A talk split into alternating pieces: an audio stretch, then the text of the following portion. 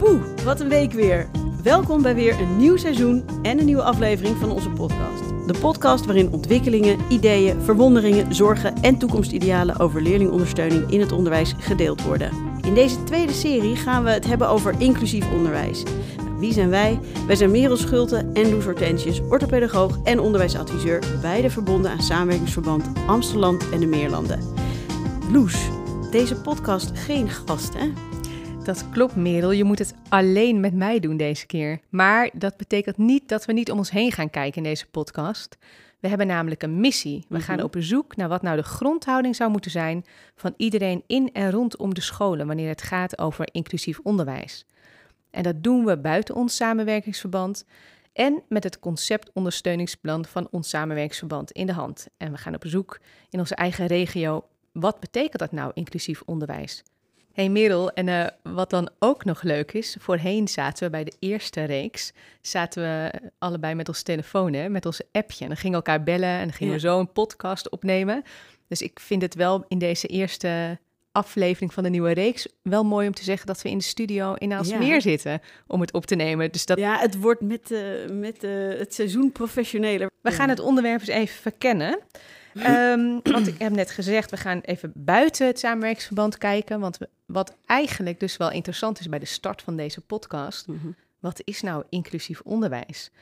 Dus het is een heel breed begrip inderdaad. Ja, en, en wij hebben natuurlijk al heel veel gelezen voor deze podcast. En uh, uh, nou ja, het, het, het, samen, het ondersteuningsplan gelezen. Je bent er vanuit het samenwerkingsverband ook heel veel mee bezig natuurlijk, net mm -hmm. als ik.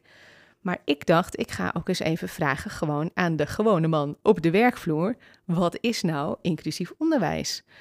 En moet ik even mijn blaadje erbij pakken? Ja, want wat kwam daar? Ja, nou, dat was dus niet zo helder. Dat was dus wel geestig eigenlijk. Um, ik heb het aan uh, nou, van allerlei verschillende soorten uh, mensen gevraagd. Aan docenten, aan uh, ondersteuners, aan zorgcoördinatoren. En ik zal geen namen noemen, maar de eerste zei: Weet het eigenlijk niet. Passend onderwijs kan toch al heel erg inclusief zijn. Mm -hmm, nou, dat is een mm -hmm. mooie stelling. Um, uh, er zijn ook iemand. Nou, passend onderwijs is het op maat maken voor de leerlingen in de klas. Hè, het onderwijs op maat maken. Inclusief onderwijs, dan zeg je volgens mij: iedereen is maar welkom. En dat is wel een mooie, want volgens mij zit daar dan, daar schuurt het een beetje met die grondhouding. Tegelijkertijd dat, je, dat we daar eens goed naar moeten kijken van dat mensen, uh, hoe mensen zich daarover voelen, zeg maar, inclusief onderwijs ook. En nou, wat is ja, er dan? En, daar moet het verduidelijk worden. En hoe mij. leeft het bij ons in het samenwerkingsverband? Helemaal even binnen ja. ons samenwerkingsverband te houden. Zeker. Uh, en je ziet dus dat er heel verschillend over gedacht kan worden. Het begon natuurlijk jaren terug met passend onderwijs. Dan komt de, de term passender onderwijs. En eigenlijk valt daar dat inclusie uh, uh, gedachtegoed onder. Ja. Want ja. ja, wil, je, wil je erop uit zijn dat, je, dat geen kind meer uit je school hoeft? Of zeg je ja, inclusie tot op zekere hoogte. En wat zijn dan je randvoorwaarden? Dat zijn natuurlijk belangrijke vragen. Ja, precies. Want het, het heeft ook heel erg, dat vind ik nog wel mooi. Dat kunnen misschien, ik weet niet of dat deze uitzending aan de orde komt, maar ook nog wel over doordenken.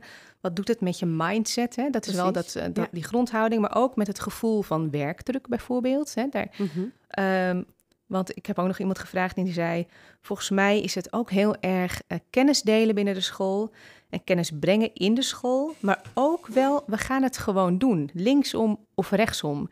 En dat is natuurlijk weer een hele andere houding dan dat je denkt, ja, iedereen is maar welkom. Dat kan ook een gevoel van druk geven. Dus volgens mij is het goed om het ook te verhelderen, het begrip.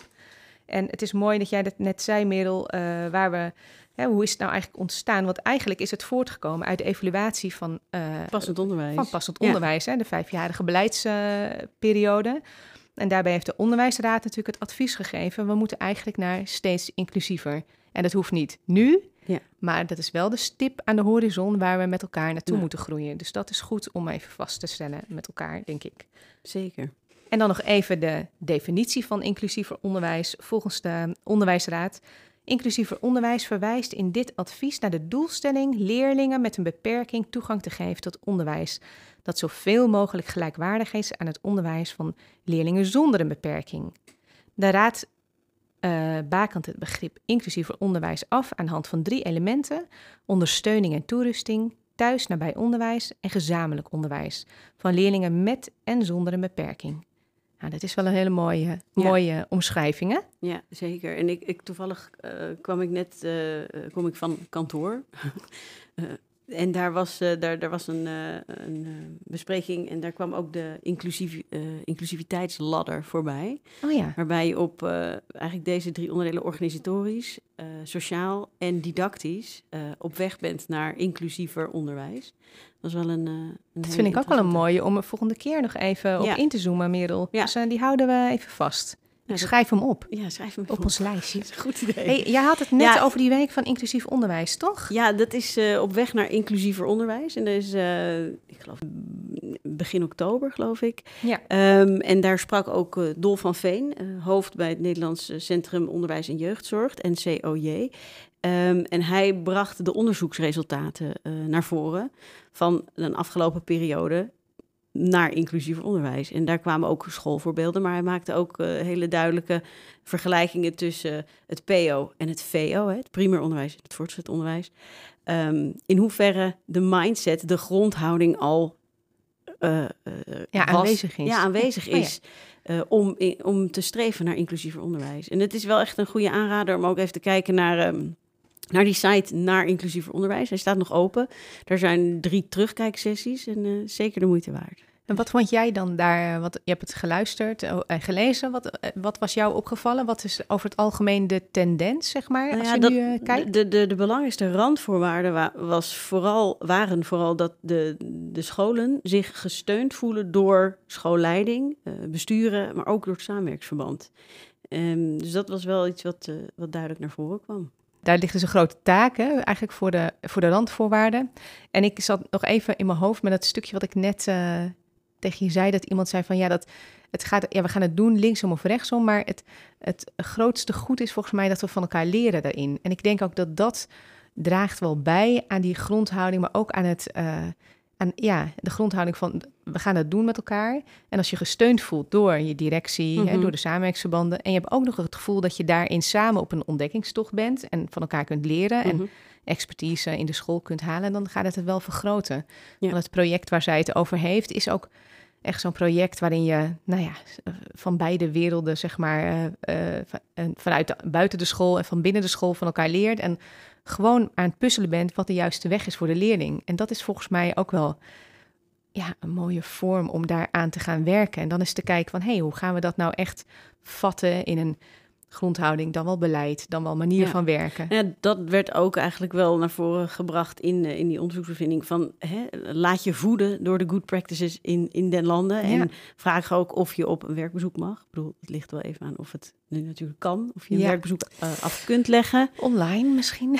Ja, precies. Nou ja, goed, inderdaad, eh, de, de, de, de, de kennisdeling is en inderdaad op het gebied van, van de proeftuinen en de pilots, maar ook om, om een bruggetje te slaan naar kennisdeling van eh, verschillende typen onderwijs. Hè. Hoe kun je zorgen voor eh, mindset, grondhouding, maar ook een professionele cultuur en dat je daar dus ook je kennis eh, op aan laat sluiten. Heb Ja, je precies. voldoende in huis om de kinderen met een extra ondersteuningsbehoefte te bieden wat ze nodig hebben?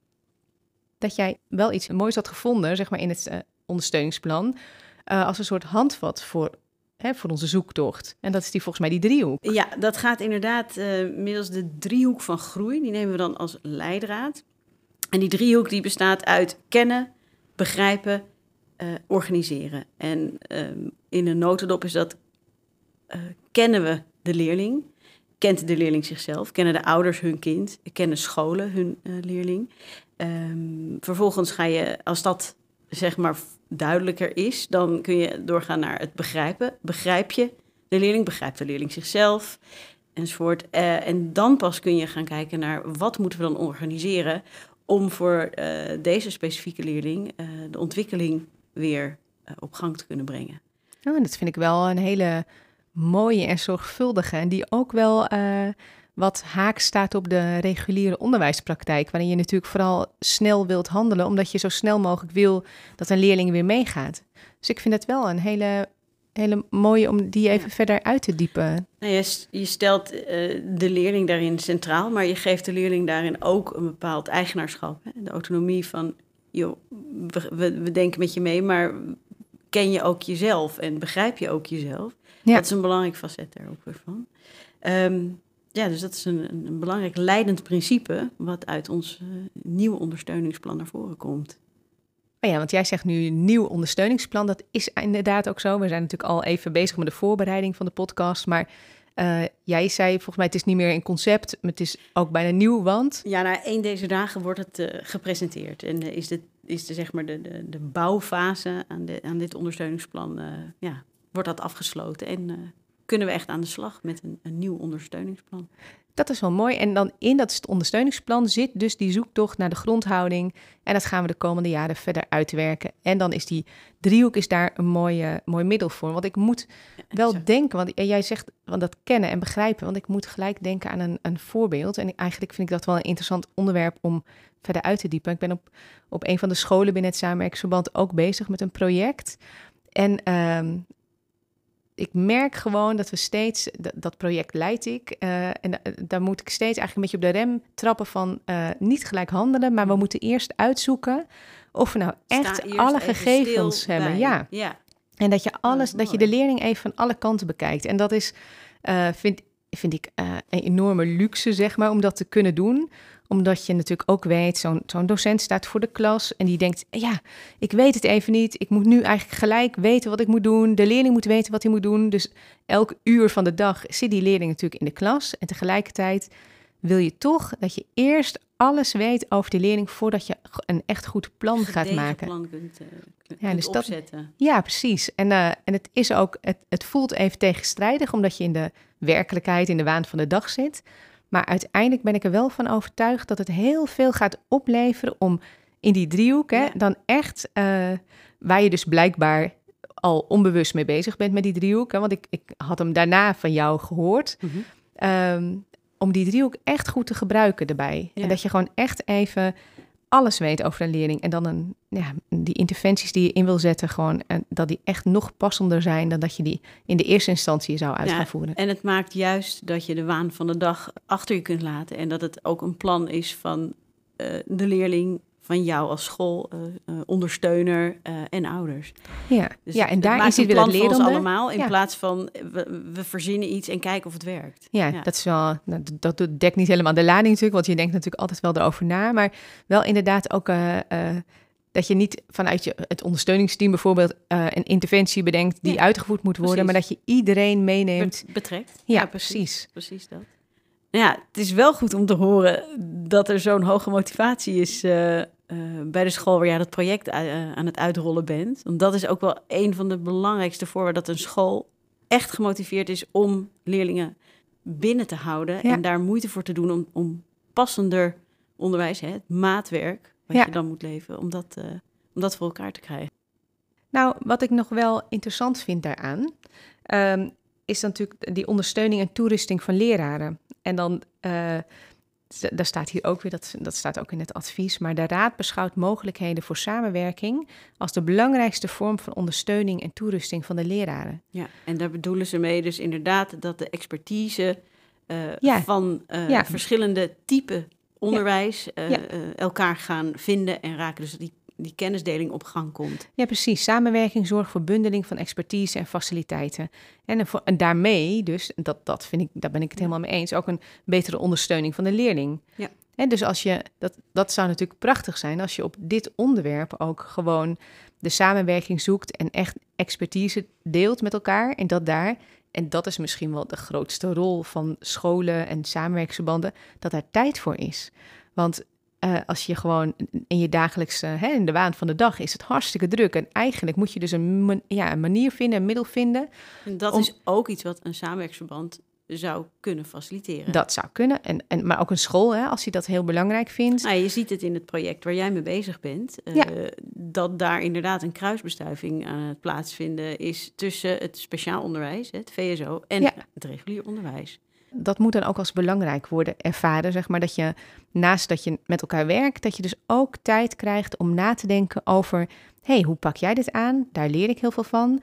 En wij deden het altijd zo. En daar leert de ander dan weer van. En, en dan kom je tot een soort derde oplossing erbij vaak. Of een derde handelingswijze die je kan toevoegen aan je repertoire. Dus ik denk wel dat dat, uh, daar zit wel volgens mij echt wel een sleutel om met elkaar inclusief onderwijs vorm te geven. Dat je tijd krijgt.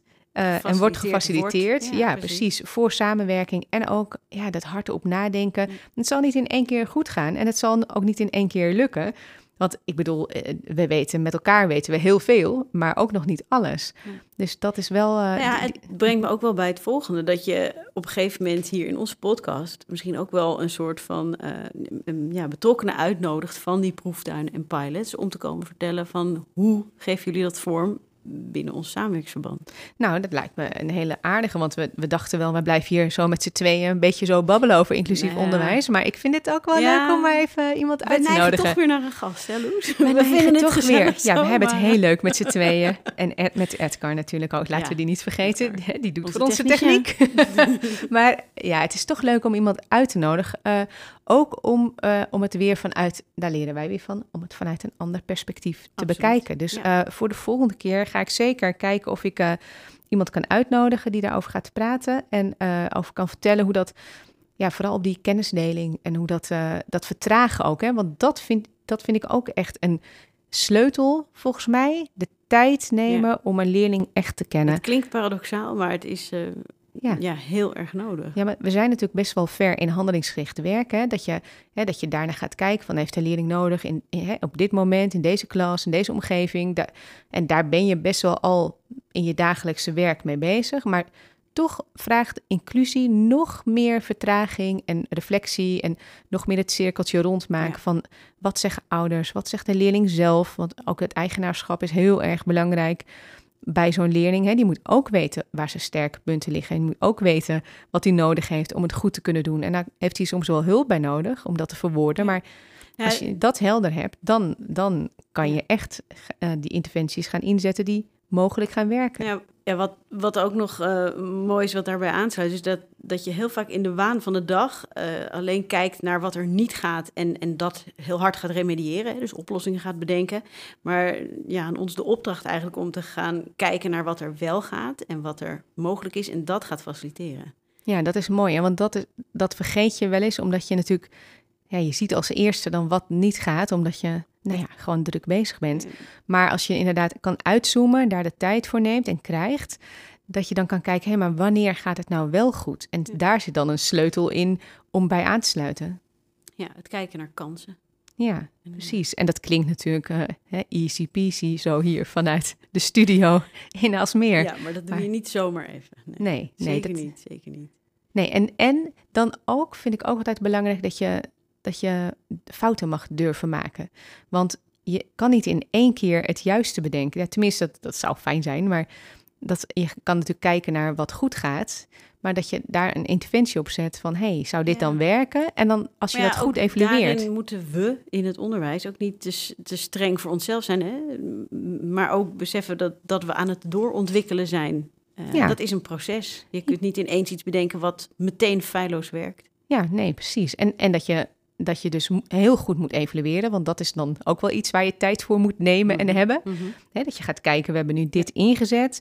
Het heeft wel gewerkt, maar nog niet helemaal het gewenste resultaat. Dus we moeten, of we, gaan het doorzetten en uitbreiden. Of hè, hoe gaan we hiermee verder eigenlijk? Nou, je zegt wel uh, een heel belangrijk punt. Het komt al vaker terug, hè, de tijd. Geef, geef ons tijd. En ja, ik wil niet de knuppel meteen in het hoen gooien, maar ook de mankracht.